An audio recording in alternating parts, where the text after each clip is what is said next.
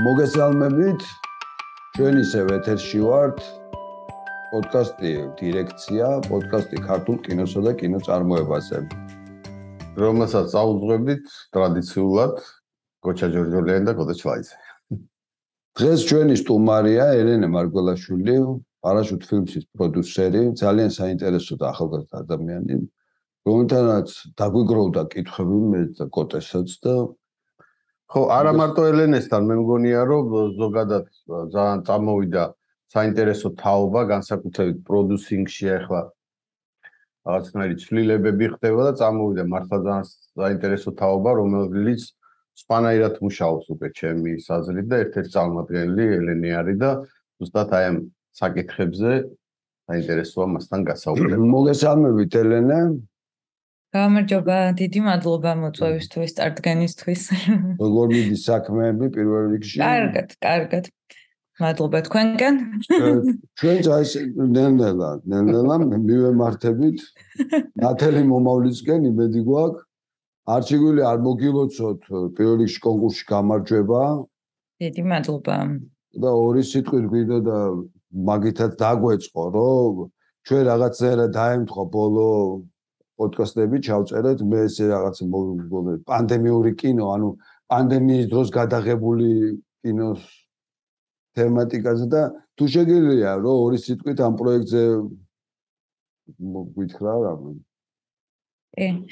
ვინც თქვა არ არ გვიცნობს არ მიცნობს იმათვის ვიტყვი რომ ჩვენი კომპანია არის პარაშუტ ფილმსი რომელიც მუშაობს როგორც სრულმეტრაჟიან ხატრულ დოკუმენტურ ასევე მოკლემეტრაჟიან ფილმებზე მაგრამ მოკლემეტრაჟიანში რაღაც ფაქტობრივად არ გქონდა დიდი გამოცდილება პირდაპირ რაღაცნაირად ესე ჯერ კომპანიაც კი არ გქონდა როცა გადავიღეთ სრულმეტრაჟიანი ფილმი ჩვენი ძალებით და რაღაც ესეთი იქ ვისწავლეთ კინოს კეთება და პირველი გამოვიდა რომ ხატრული მოკლემეტრაჟიანი ფილმი არის ის პროექტი რომელზეც საუბრობთ. ახლა ეს არის ასეთი ხანგრძლივი არ ყოფნა ეს არის რეჟისორის სამაგისტრო ნამუშევარი რომელიც უნივერსიტეტისთვის მან დაასრულა და გააკეთა მაგრამ გადაწყვეტა რომ კიდე რაღაცა შეჭიდებოდა სხვანაირად ამ ნამუშევარს და სერიოზულად გადაეღო საკუთარი რა ვიცი მითი მაქსიმუმით და დაგვიკავშირდა ეს არის ჩემი მეგობარი ირინე რურუა. რუსთაველი რეჟისორი არის ფოტოგრაფი არტისტი და გამოვიდა ნამდვილად ასე რომ ჩვენი ძალებით პანდემიის მანძილზე მეგობარი სტუდიების დახმარებით გადავიღეთ ეს ფილმი. ეს არის თქვა შეიძლება პანდემიური თემა და ბევრი დაგროვდება ასეთი. არ ყოფნა ქვია ფილმს, მაგრამ გარკვეულწილად მარტოობაზე არის ეს ფილმი. ეს არის 50 წელს მიღწეული ქალის ერთი დღე ცხოვრებაში, რომელიც არის მისთვის შესაძლებლობა ახლიდან დაიწყოს ცხოვრება. მას 3 წელი არის გასული, რაც ოჯახური ტრაგედია გადახდა ამ ქალს თავს და ეს არის პირველი დღე, როდესაც მის მცარიელ დიდ სახში, სადაც მარტო არის იზოლაციაში გამოკეტილი 3 წელი, სიცოცხლის ნიშნები შემოდის და ეს ქალიც იღებს გადაწყვეტილებას, რომ იცხოვროს და ახლებურად იცხოვროს და არ ვიცით გამოუვა თუ არა ამას მე მაყურებელი ნახავს, მაგრამ მნიშვნელოვანი ფილმი იყო. ნამდვილად პირველ რიგში იმით იყო ამ ფილმის წარმოება მნიშვნელოვანი, რომ აი მართლა სრულიად ენთუზიაზმზე გადავიღეთ და პირველ რიგში აი ვასილი დოლიძეს მინდა მადლობა უთხრა ვისარგებლო შესაძლებლობით რომელიც ოპერატორი იყო ამ ფილმის რა ვიცი მე ყველანაირი დახმარების გარეშე ფაქტობრივად იმუშავა ამ პროექტზე და კინოცენტრმა ჩვენ დაგვიფინანსა ამ ფილმის დასრულების ხარჯები, იმიტომ რომ მოგეხსენებათ პოსტპროდუქცია ხარისხიანი ძალიან მნიშვნელოვანი არის და მე ვფიქრობ, რომ ბევრი ფილმი იქნება პანდემიის მანძილზე ასე გაკეთებული, ეს ოსობლიაძის ფილმი, რომელიც წარმატებული არის საკმაოდ საფესტივალო გზაზე, ზუსტად ასეთი ფილმია, რომელიც დამოუკიდებლად გადაიღეს რეჟისორებმა და პროდიუსერებმა, ეს იმას აჩვენებს, რომ კინო ასე შეუზღუდავთ თუ ისე შეიზღუდება, მაინც იპოვნის თავის გზას და ძალიან საინტერესოა. ელენე, რა მაინტერესებს მე აი რაღაცნაირად წარდგენაში თქვი რომ რაღაც ახალი თაობის პროდიუსინგი მოვიდა დღეს საქართველოში და აი რაში თქვათ ეხა ყურში მენიშნა ის ამბავი რომ რაც პრინციპში ადრეს იყო ალბათ რომ ჩვენი მეგობრების სხვა სტუდიების დახმარებით აი საერთოდ ზოგადად რა ხდება დღეს იმაში სფეროში აი როგორ მიდის ურთიერთობები რა როგორ ხდება ერთმანეთთან ურთიერთობა, ფულის შოვნა და ასე შემდეგ. კი მესვისო ძალიან ფართო კითხვა დავსვი, მაგრამ აი რაღაცა მაგ ჭრილში რო დავილაპარაკოთ, თქვა. ხო, რა თქმა უნდა, არც მე მგონი პანდემიამ ყველაზე კარგად აჩვენა, რომ კინოინდუსტრია სჭირდება მოქნილობა და მე მგონი ადამიანები, ვინც აღმოჩნდებით ხოლმე ამ ინდუსტრიაში და ვირჩევთ ამ პროფესიას, გამოვირჩევით ამ უნარით და ერთ-ერთი მოქნილობა ქართული კინოინდუსტრიის იმაშიც გამოიხატება, რომ ჩვენ ნამდვილად ვართ ერთმანეთის მიმართ ძალიან სოლიდარულები. ვფიქრობ, რომ გარკვეული ერთიანობა არის ამ სექტორში.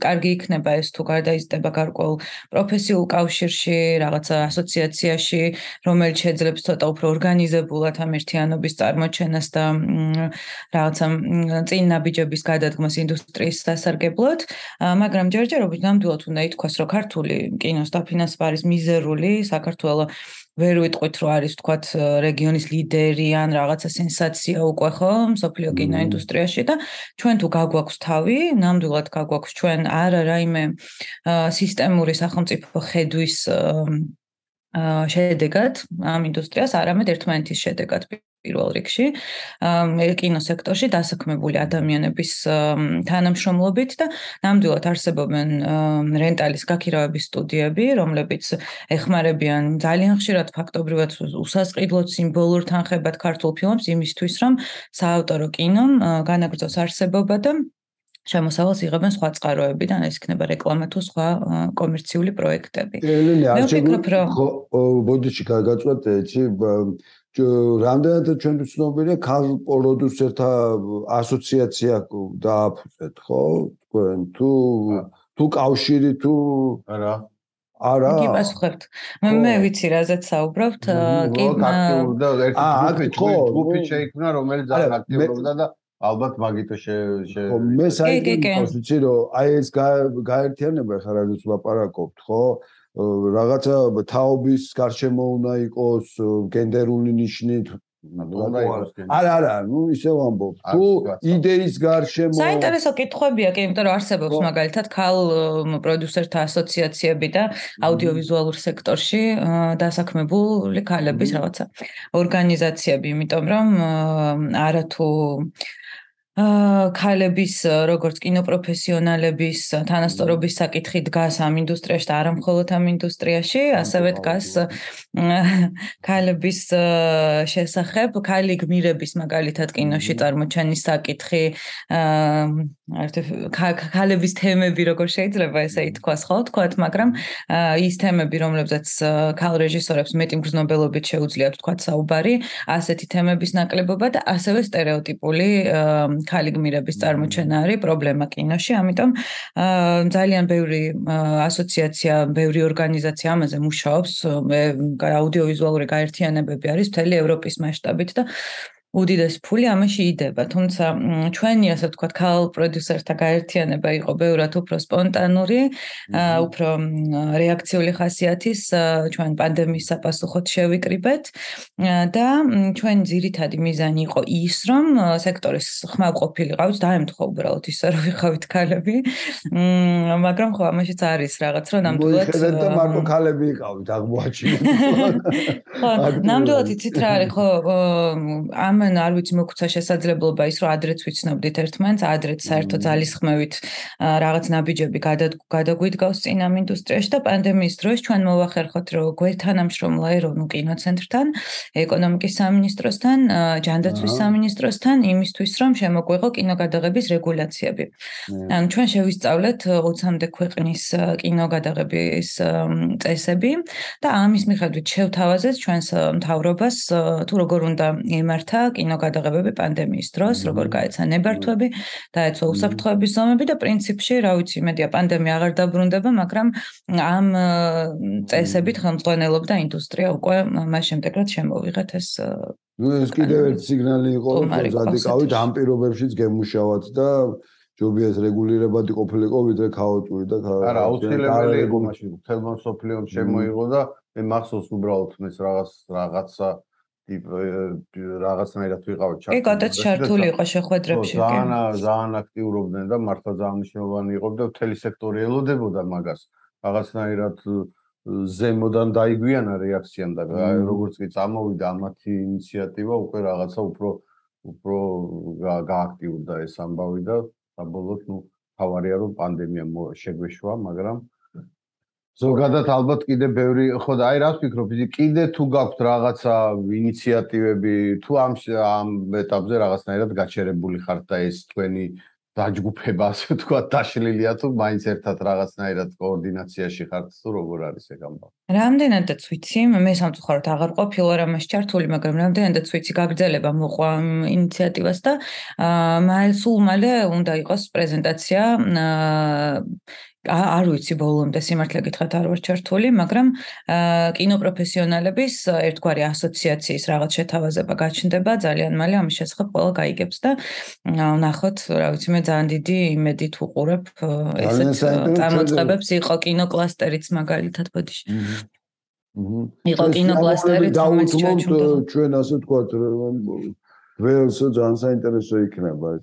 ეტა არ შემიძლია არ იმას ხდება რომ იმას ვქნათ ჩვენ მაგალითად არ ვიცი ძალიან არა ვარ ჩაციკულებ, მაგრამ სულ გვაღელვებს ეს სტატისტიკა და კვლევა და მონაცემები და რა ხდება და რამდენად და ყველას ვეკითხებით ამას ჩვენი წარსულიდან თუ არ ვიცი ეხანდელობიდან რომ სულ ეუბნებით აბა რამდენი დაესწრო როგორ იქნა იქნებ რაღაცნაირად გაიზარდოს შემოსავლები რომ მაყურებლის ინტერესი უფრო გაშთეს რაღაცნაირად ვიცით რომ ელენების რაღაცნაირად მე არ ჩავერთვები უბრალოდ მეც როგორც კინოცენტრში ვთქვათ მეც მაქვს ეს რაღაცა პროექტივი რომელიც იმედი მაქვს აი ხა კიდევ ვცდილობ რომ რაღაც გავააქტიურო ასევე მახსოვს აი ჯუფი ელენე იყო ერთ-ერთი წევრი რომ თქვენს რაღაცას მუშაობდით გინდოდათ რაღაცა.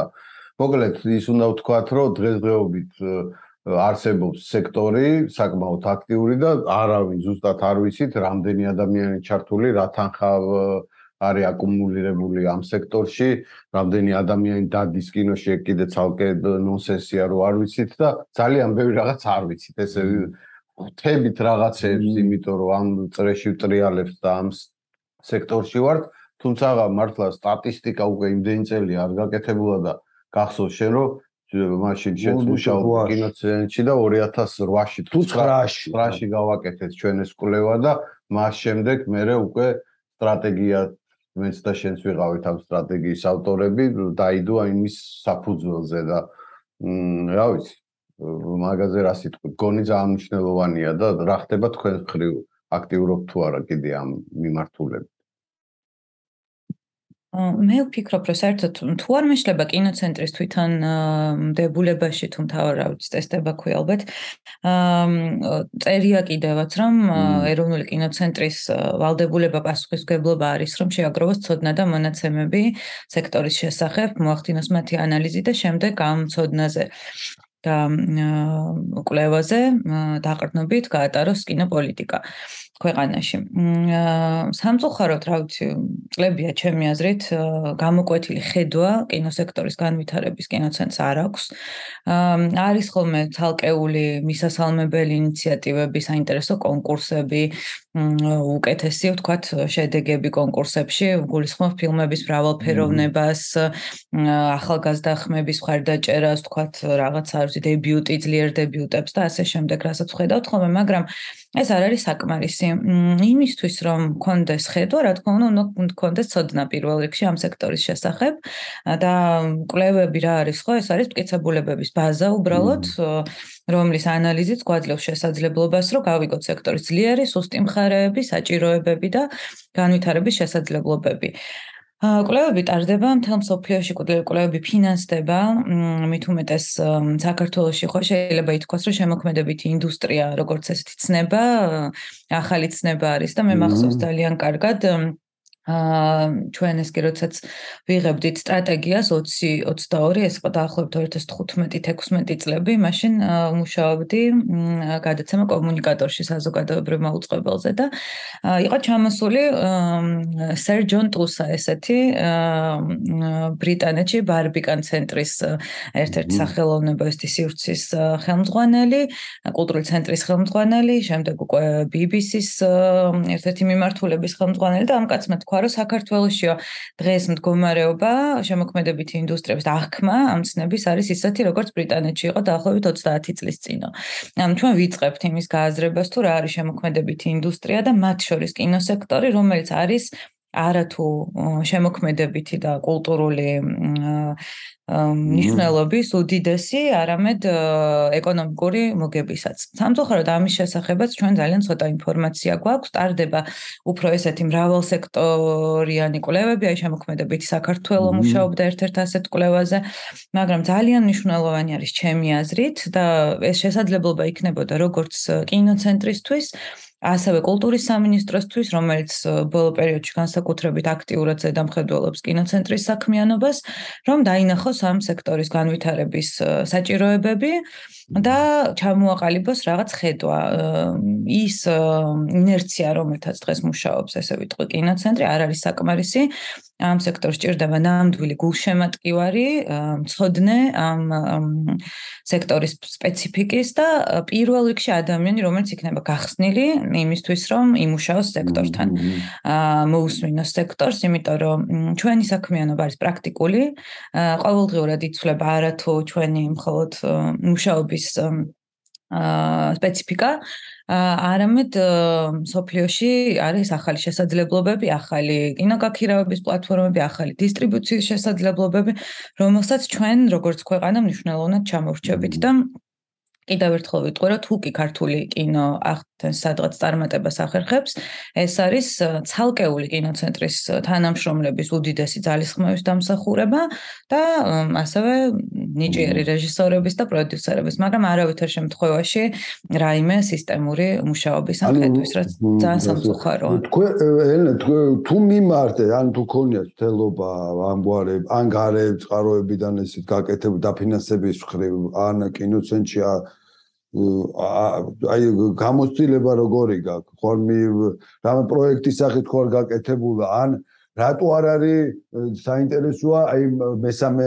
სექტორს რასაც ეძახიან იმადგან ეს დაინტერესება? არა ეს პირველ რიგში კინოცენტრიდან უნდა იყოს გარტონებული ვარ უბრალოდ და კიდევ ერთხელ ამბობ რომ მე ხარ რაღაცა ვცდილობ რომ რაღაცა ეს ინიციატივა ისევ წარმოვწიო იმიტომ რომ პირველ რიგში ეს არის კინოცენტრის ინტერესი და უბრალოდ კინოცენტრმა უნდა იცოდეს რა ხდება სექტორში რომ ჩამოაყალიბოს თავის პოლიტიკა, რა ვიცი, რამდენიმე წლის წინ რომ რა უნდა გაკეთდეს, ხო და როგორ უნდა გაკეთდეს. უბრალოდ რა ვიცი, მე მგონი ეს ელემენტარული ამბავია, თუმცა რა თქმა უნდა ეს თუ მოხდება კიდე რაღაცა რომელიმე დონორთან ერთად ეგ თქვა უკეთესი, მაგრამ არაფთან იმდენად პატარა არის საბოლოოდ ეს ჩვენი ინდუსტრიას, ჩვენ მეძახით, თორე მაგის კვლევა აი ძალიან არაფერი ძალიან დიდ იმას არ წარმოადგენს, იმიტომ რომ მართლა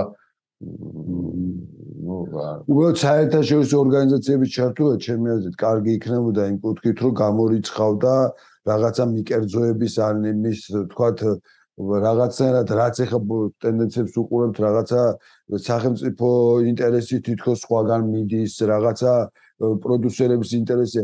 რაღაცნაირად მგონია რომ აი საერთოდ თუნდაც USAID იყოს თუ არ ვიცი რა მიკროზოულობა ამ შემთხვევაში რატო უნდა ამ შემთხვევაში არ შეიძლება იქ თემატიკის პრობლემაც გაჩნდეს უნდა იყოს არანაირი თემატიკის პრობლემა არ უნდა გაჩნდეს უნდა იყოს იმაზე თუ რა ელემენტარულად არ ვიცით რამდენი კომპანია ოპერირებს დღეს ხო. დარგში არ ვიცით რამდენი ადამიანი არის ჩართული არ ვიცი არ ვიცი საშუალო ხელფასი ამ ადამიანების არ ვიცი რა ვიცი იმდენი რაღაც არ ვიცი. ინდუსტრიის მოცულობაც არ ვიცი. და პრობლემა შემდეგ არის იმაში რომ და ფინანსება იგივე. ხო, რაოდენობის გარდა. ხო, ბოდიში, ბაბატი ერთად და ბოდიში რა. რაოდენობის გარდა ხარისხობრივი კვლევაც აუცილებელია თქო, მაგკუთხით, რომ განწყობების შესწავლა, რომ საერთოდ რა აუდიტორიაზე გვაქვს ლაპარაკი, აი ამ კუთხითაც ვაბობ, რა თუნდა და ისეთი ციფრებისა ტენდენციურობა ხო და აი მაგ გონია რომ ყველაზე მნიშვნელოვანი იქნება ხარისხობრივ კვლევაში რომ უცხოური რა ჩართულობა იქნება. ჩემი აზრით მოგცემს ასე თუ ისე მეტნაკლებ ისეთ სურათს რომელიც არ იქნება ტენდენციური ან რაღაცა აი ეს ვერ ხედავ ტენდენციურობა საჩელი არა არა რომ გამოვრიცხო ხა გამაც გავანებ ელი გადაწყვეტე უკაცრავად რაღაცა მეც ჩავერცხები და ვიტყვი ერთადერთი რომ ნამდვილად ეს არის ეროვნული კინოცენტრის პასუხისგებლობა თუმცა აა ბევრ განვითარებულ ქვეყანაში არსებობს ორგანიზაციები, ისევე ასოციაციები, რომლებიც ასევე მუშაობენ კვლევითი მიმართულებით თავიანთი სპეციფიკის ფარგლებში. ესეც შესაძლებელია ცხადია, გააჩნია ჩვენ რა კვლევაზე ვსაუბრობთ, ხო? ჩვენ თუ გვინდა შევაფასოთ კინოს ეკონომიკური პოტენციალი, ასეთი კვლევა ჩემი აზრით ცალსახად უნდა გააკეთოს საერთაშორისო ორგანიზაციამ კვლევითმა, რომელმაც უნდა ითანამშრომლოს კინოცენტრთან და აუცილებლად კინოცენტრის წარმომადგენლებიც უნდა იყვნენ ჩართული ასეთ კვლევაში, მაგრამ ამ ორგანიზაციას თუ ამ კომპანიას უნდა ჰქონდეს გამოცდილება შემოქმედებით ინდუსტრიის ფარგლებში კვლევების ჩატარების და არა ზოგადად კვლევითი ვთქვათ რაღაცა. ორგანიზაცია ეს არის მნიშვნელოვანი ბიოპი იყო ესეთი ორგანიზაცია რომელმაც ჩაატარა ის კვლევა რომელზეც თქვენ საუბრობთ 2008 წელს და ეს კვლევა არის ძალიან მნიშვნელოვანი. ის არჩა მე შეგოსე სამართლიანობისთვის უბრალოდ ისტორიული სამართლიანი აა შეიძლება მე შეიძლება მე მახსოვს რომ ბიოპის ბიოპს ჩვენ გადავეცით ინფორმაცია. ჩვენ გადავეცით არა რა თქმა უნდა მე ვამბობ რომ ანალიზი გააკეთა. კვლევა ჩაატარა ACT მე ხა ეს რეკლამაში არ შეგვიძლია მაინც კაცი შესაძლებელია ხო ბოდიშება მე მეშლება ACT ჩაატარა ჩვენი დაკვეთით. ACT-მ რაც მოაგროვა ინფორმაცია ასევე იყო რაოდენობრივი და ხარისხობრივი ეს მე ჩვენ მონაცემებთან ერთად გადავიცით BOP-ი და უბრალოდ BOP-მ ამან რაღაცნაირად BOP-მ გამოგვიგზავნა მე რეკომენდაციები რის საფუძველზე საგერ გავაკეთეთ გავაკეთეთ აგერ გოჩა მე თაკოტატიშვილმა და ზაზარუსაძე დავწერეთ უკვე რაღაც სტრატეგია რომელიც რა ვიცი მაშინ მგონია რომ ძალიან ხარისხიანი იყო და რაღაც პერიოდი იმან მაგრამ ეხა ამას წინა წავიკითხე მართლა კარგად გაკეთებული სტრატეგია ეხა ჩვენ თავ ჩვენ თავებს არ ვიქებ მაგრამ ძალიან დაძველებულია ხა აი უკვე რა თქმა უნდა დრო გადის და ჩვენც უნდა მოვერგოთ. ისე ისე წინ წავიდა ეს ყველაფერი და მათ შორის ალბათ იმ სტრატეგიის რაღაცა დამსახურებაც არის ამაში და ამიტომ აუცილებელია რაღაც ახალი შექმნა იმიტომ რომ მართლა ძალიან დაძველებულია ეს ყველაფერი ძალიან დიდი საქმე გაგიკეთებიათ და შესაძლებელი თუ რამე მონაცემი გვაქვს ის კვლევა არის ამიტომ ბოლოს. ხო და ეხლა ნელ-ნელა გადავდივართ იმ კვლევებთან დაკავშირებით იმიტომ რომ ჩვენ ძირითადად კამათის საგანი ხდება ხოლმე ვიცით ელენე ჩართული ხარ ქსელის საქმიანობაში და ასე ვთქვათ ნუ პატრონას უწევ. ნუ შეიძლება ესე თქვა რაღაცნაირად ჩართული ხარ მოკლედ მაგ საქმეში ჯერ ეს ერთი პირველ რიგში მე მინდა ძალიან დიდი კომპლიმენტი გითხრათ ყველას, ვინც ამ საქმეში ხარ ჩართული, იმიტომ რომ მართლა ძალიან რაღაცა, აი ძალიან მაგარი რაღაცა გაკეთდა რა. იმიტომ რომ მაგაზე თითქოს მე თან ბევრი წელია რაღაცას მაგაშიც ასევე ჩართული ვიყავ იგივე თავის დროზე ბოლნის კინოთეატრში რაღაცა, მაშინ ჯერ სხვა ადამიანი თორნიკე იყო ესეთი ადამიანშვილი ის იყო მაშინ ეს მაგისი. სხვადასხვა ეს რაღაცა ჩანდა და უცებ მოხდა ის ყველაზე სწორი რომ გაერთიანდა ეს ყველაფერი ეს საუბარი და რა ხდება და როგორ ხდება ჯერ აბა ეხა როგორ ხდება და თან ყველაზე საინტერესოა და ჩვენ პაუზა ხო დავიჭერეთ ეხა შედეგებზე შეგვიძლია ვილაპარაკოთ. კი ბატონო ხო კარგი დრო არის რომ შევაფასოთ ალბათ შევაფასოთ ანუ სადმე ხო, არ შეფასებას თქვენგან მოვისმენდი პირველ რიგში, იმიტომ რომ სხვა ჩვენს აღარავისთან აღარ მისაუბრია საჯაროდ მით უმეტეს ამ ჩვენებების დასრულების შემდეგ, მაგრამ ვინც არის ის მათთვის თქვათ, რომ ქსელი ეს არის საქართველოს სხვადასხვა რეგიონში შეკრებილი ახალგაზრდების ძირითადად ინიციატივების ერთობა. ისინი გაერთიანდნენ საერთო გამოწვევების, საერთო ხედვის და სურვილის გარშემო, რომ მოხდეს კულტურის დეცენტრალიზაცია და რეგიონებში გაიზარდოს ხელმისაწვდომობა კულტურაზე. ეს არ მოიაზრებს. მხოლოდ კინოჩვენებებს, ბევრად უფრო დიდი მიზნები აქვს ქსელს, მაგრამ დაიწყეს იმ გადაკვეთის წერტილით, რომელიც უკვე არსებობდა, ქსელში გაერთიანებული არის ახლა 6 კინოჩვენება ჩატარდა, 5 დაგპირდით, მაგრამ ბოლოს შემოგვიერთდა ლაგოდეხიც.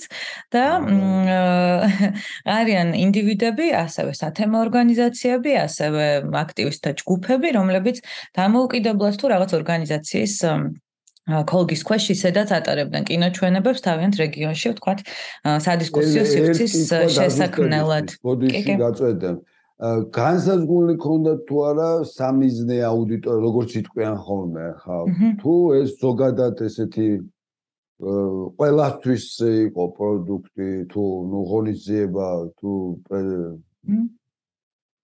ხო, პირველ რიგში ვიტყვი, რომ თვითონ ქსელის წევრები შეახვედრა ერთმანეთს მედია პლატფორმა Indigo-მ, რომელმაც მე მომიწვია, ასე ვთქვათ, ქსელის მეგობარს ვეძახი მე ჩემთავს, იმიტომ რომ რამდენჯერმე შევხვდი ამ ადამიანების ჯგუფს და ვაგრძელებ მათთან აქტიურ კომუნიკაციას, ხედვის კონცეფციის ჩამოყალიბებაზე, მაგრამ ეს ადამიანები ისედაც მუშაობდნენ აქტიურად თავიანთ რეგიონებში, მათ ყავდათ თავიანთი აუდიტორია, რომლის გაზრდაზეც მუშაობენ, ამ აუდიტორიის განვითარებაზე მუშაობენ.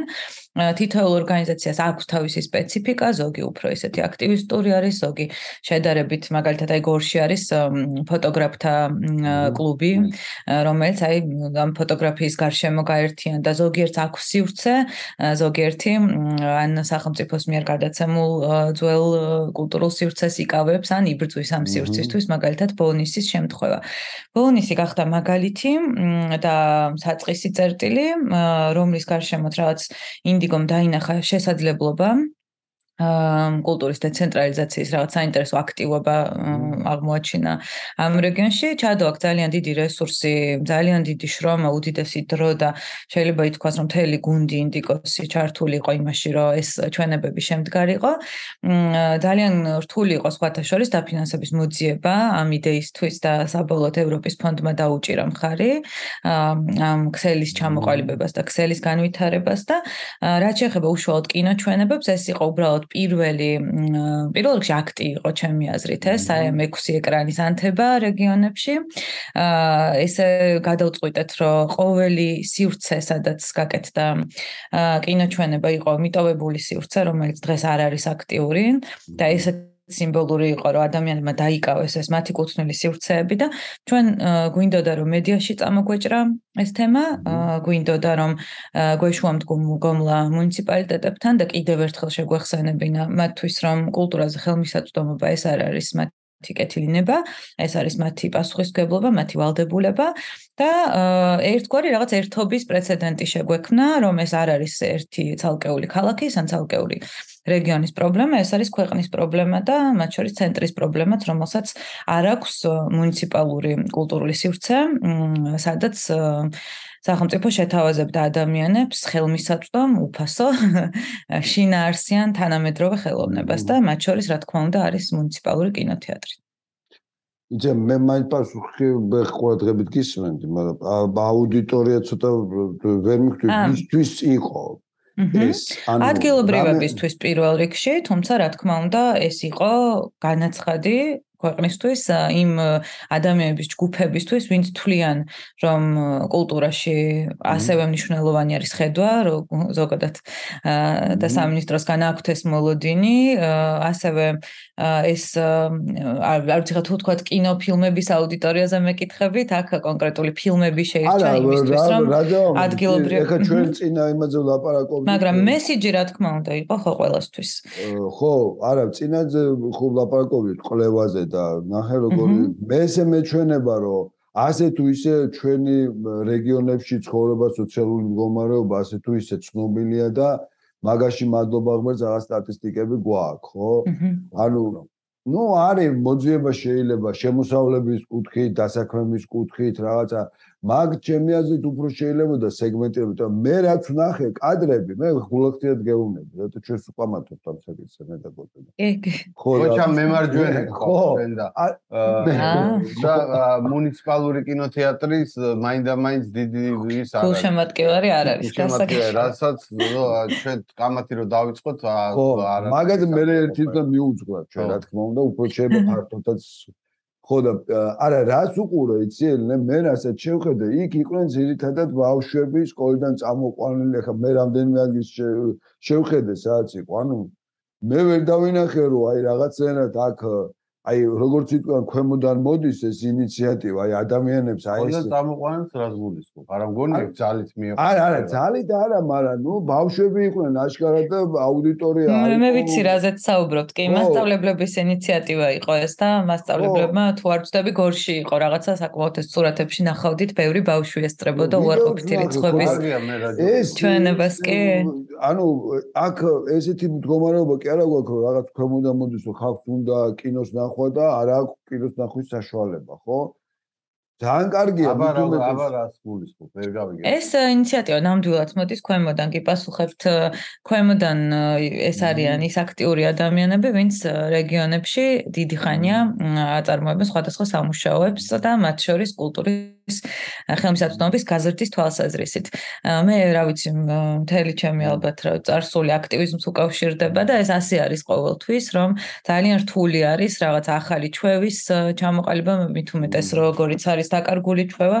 მე საგზაო საფრთხოების მიმართულებით ვმუშაობდი წლების მანძილზე და ასე არის ყოველთვის, რომ სანამ გამწვანების, სანამ ქვეითების, სანამ ქალაქეგმარების საკითხები გახდება პოპულარული, ადამიანებმა უბრალოდ არ იციან რომ ეს მათ სჭირდებათ და ძალიან მნიშვნელოვანი არის ამ კუთხით ცნობიერების ამაღლება და სწორედ ამას აკეთებენ ქსელის წევრები და რეგიონებში ეს ორგანიზაციები. ამიტომ არის რომ ხო, თავიდან- მე მე ერთი ისა მაქვს აა, რომ ცოტა არ ვიცი დრო ხო არ იყო არასწორად შერჩეული სუფთა პრაგმატულ ვარიანტში ვამბობ რომ ცივა უკვე და კინოს ყურება როდესაც ცივა ცოტა ის არის რთული ამბავია ძალიან უნდა გინდოდეს მე რაღაცა, ძალისხმევას ხო მოითხოვს. მე ძალისხმევ რა თქმა უნდა კომფორტი რაღაცნაირად თან დღესდღეობით უკვე გინდა არ გინდა ჭირდება ამ კინოს ყურებას და ხო აი გონია რომ მე რო გაგზელდება დარწმუნებული ვარ გაგზელდება ეს ამბავი უფრო ალბათ აი არ ვიცი. ისე მაგ- მაგით გითხრა ელნე რა მომავალში კიდევ რა რას აპირებთ აი აი ამ გაერთიანების ეგიდით ასე ვთქვათ. აი რა საქმიანობებია დაგეგმილი პირველ რიგში ეს საერთო ჩვენებები ემსახურებოდა ქსელის გამომზეურებას, ესე დაარქვეს თვითონ წევრებმა. დიდი ხანია, კი, დიდი ხანია თანამშრომლობდნენ, უკვე იცნობდნენ ერთმანეთს, მაგრამ რაღაცა ფორმა, სახელი, პრეზენტაცია, ასე ვთქვათ. ამიტომაც, რა თქმა უნდა, ცხადია გეთანხმებით იმაში, რომ აჯობებდა გაზაფხულზე, აჯობებდა თბილ იმაში, რა ქვია, კინოთეატრში, კარგი განათებით, კარგი პროექტორით და ასე შემდეგ. კი, ამის შესაძლებლობა რეგიონებში არ არის და ჩემი აზრით ეს აქტი ზუსტად ემსახურებოდა იმას, რომ აი მართლა უკიდურეს უმძიმეს პირობებში მოახერხეს და მაინც გააკეთეს ეს ჩვენებები. ჩემი აზრით აი ესეც თავისებური განაცხადი იყო. ქსელს ახლა ელოდება გრძელი ზამთარი და ერთ-ერთი ის იყო, რა ქვია, შეხვედრებზე რო საუბრობდით, აი რეგიონებში ყველაზე რთული არის ზამთრის გადატანაო, ესე ამბობდნენ ჯგუფის წევრები. და ამ ზამთრის მანძილზე ჩვენ დიდი გეგმები გვაქვს, რომ შევაფასოთ ახლა პირველ რიგში ეს ღონისძიება, რა იყოს უსტი და ძლიერი მხარეები, როგორ თვით ორგანიზდით, რას ვაპირებთ მომავალში და ქსელს უფრო გაცხადებული სტრატეგიით დაუბრუნდება საზოგადოებას და გააცნობს თავის გეგმებს, რა თქმა უნდა, იქნება გახსნილი სხვებისთვისაც და თუ რას გულისხმობს თქვა ქსელის წევრობა და რა ტიპის აქტივობებს განახორციელებს ქსელი ერთჯერადად და სისტემურად ამაზეც მოგაწვით ინფორმაციას ჯერჯერობით. ეს იყო პირველი ღონისძიება ხო ესეთი ჩვენთვისაც სატესტო ექსპერიმენტი იყო მაგრამ მნიშვნელოვანი იყო ძალიან ჩემი აზრით ამის ვიზუალური განაცხადი და კიდე დიდი ხნის მანძილზე იტრიალებს ეს გამოსახულებები და ამან ჩემი აზრით თავისი ქნა რომ აინთო 6 ჩამქრალი კინოთეატრი ადამიანების მიერ რეგიონებში ძალიან მაგარი ამბავია არა ძალიან კარგია რეგიონებში თუ დაბრუნდა კინო უნდა და- დაბრუნდეს ყველა ვარიანტი შევა სხვანაირად თუ პლუს არა მხოლოდ კინო. ის ფორმა რომ აუდიტორია გაიზარდა და რაღაცნაირად ჩვენ ხალხს მიეცა საშუალება რომ პლუს რაღაცნაირად თუ ჩვენ ხალხს და ჩვენ კინოპროდიუსერებსაც და კინოფილმებს რაღაც ეკონომიური უნდა. ნახოს ეს ჯაჭვია ხო ხო, ყველა რაღაცნაირად ეკონომიურ სარგებელს რო უნდა აღდგეს კარგი თავი დავანებოთ, ალბათ გაცვლა არის ყველაზე მნიშვნელოვანი და ჩვენ ჩვენს ფილმებს ვერ უზიარებთ ადამიანებს მთელ საქართველოში. და ეს არის ძალიან დასანანი, ამიტომ ვფიქრობ, რომ კინოინდუსტრიაც აქტიურად ჩაერთვება ქსელის საქმიანობაში. ეხლა რადგანაც ფილმები ახსენე, აი უკვე შენ პროექტებზე რო გადავიდეთ კონკრეტულად, მე რა ვიცი, ველოდები ფილმ დრამერს, რომელიც მე მგონი მარტო მე არ ველოდები. რა ხდება ზოგადად და კიდე რაღაცა ვიცი რომ ახალ პროექტს იწყებს და აი მაგაზე სწორი სიტყვითო შევეხო. ბევრი პროექტი გვაქვს, დრამერს სულ მალე იხილავთ. ფართო მაყურებელთან ერთად. და ამაზე აღარაფერს აღარ ვიტყვი. მაყურებელმა შეაფასოს ეს ნამუშევარი. ბევრი დიდი დრო დაგჭირდა ნამდვილად ამ ფილმის დასასრულებლად და მიხარია რომ მივედით პრემიერის მომენტამდე. რა შეიძლება პროექტებს საიდუმლოა ეს ამბავი ჯერ ვერ გაგცნობ პასუხს. რაც შეეხება სხვა პროექტებს სრულდება წარმოება კეკოჭელიძის სრულმეტრაჟიანი მხატვრული ფილმის აღარ შემიძლია.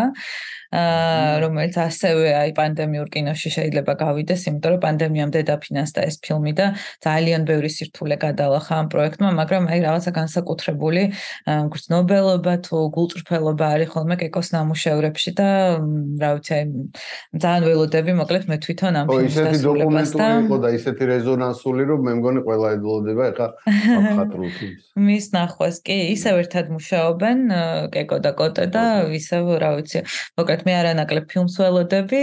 ელენე მიქაბერიძის პროექტი არის ჩვენი კომპანიისთვის ძალიან მნიშვნელოვანი ასევე, იმიტომ რომ ეს არის პირველი კოპროდუქცია, რომელიც არის პარაშუტ ფილმს ბელგიურ და ფრანგულ საპროდიუსერო კომპანიებს შორის. ამ პროექტმა სახელად ოცნება კადილაკზე ასე დაფინანსდა ეს ფილმი თავის დროზე, მაგრამ ახლა ქვია ლურჯი მოცვი. ეს არის ერთი ოჯახის ისტორია, რომელიც ცდილობს საზღვარგარეთთან ახლოს გააშენოს მოცვის ფერმა. აა ზუგდიდში ცხოვრობენ და ამ ოჯახს უღებს ელენე და მათ შორის განსაკუთრებულ ყურადღებას აქცევს ბავშვებს და ბავშვები არიან ამ ფილმის მთავარი გმირები. ასევე ირინე ჟორდანიას ფილმის დასასრულს უახლოვდებით და სულ მალე დაიწყებს ეს ფილმი საფესტივალო გზას. ეს არის ჰაერი ლურჯი აბრეშუმია, ესეც არის მხატვრული პროექტი. დაფინანსებით ნაწილობრივ. მათ შორის კი, მე თქვა საზოგადოებრივი მაუწყებლის მხარდაჭერით, რაც ძალიან მნიშვნელოვანი არის, ალბათ რა დიდხანს ვისაუბრეთ და ხაზი უნდა გაუსვათ იმას, რომ საზოგადოებრივ მაუწყებელს ასევე მათ შორის აქვს ვალდებულება, რომ მხარი დაუჭიროს კინოს, განსაკუთრებით დოკუმენტურ კინოს და ძალიან დიდი იმედი მაქვს, რომ მომავალში აქაც უფრო მკაფიო ხედვა იარსებებს და უფრო თქვა სისტემური მიდგომა ამის მიმართ ჩვენ რა ვიცი როგორც სექტორი ნამდვილად მზად ვართ რომ ვიმუშაოთ ამ მიმართულებით. მე მგონი ეს არის და ეს ნამდვილად რაღაც ძალიან დიდი მადლობა მაგრამ ახალ შეგაწყეთ დიდებზე. ძალიან დიდი მადლობა ძალიან საინტერესო საუბარი გამოგვივიდა დიდი მადლობა. იმდენი რაღაცა დაანუსა ელენემ რომ მე მგონი ცოტა ხანი რაღაცა რაღაც ფრეების მერე კიდე შევხვდეთ და კიდე გავაგზავნოთ საუბარი. დიდი სიამოვნებით ჩემს რეჟისორებთან ერთად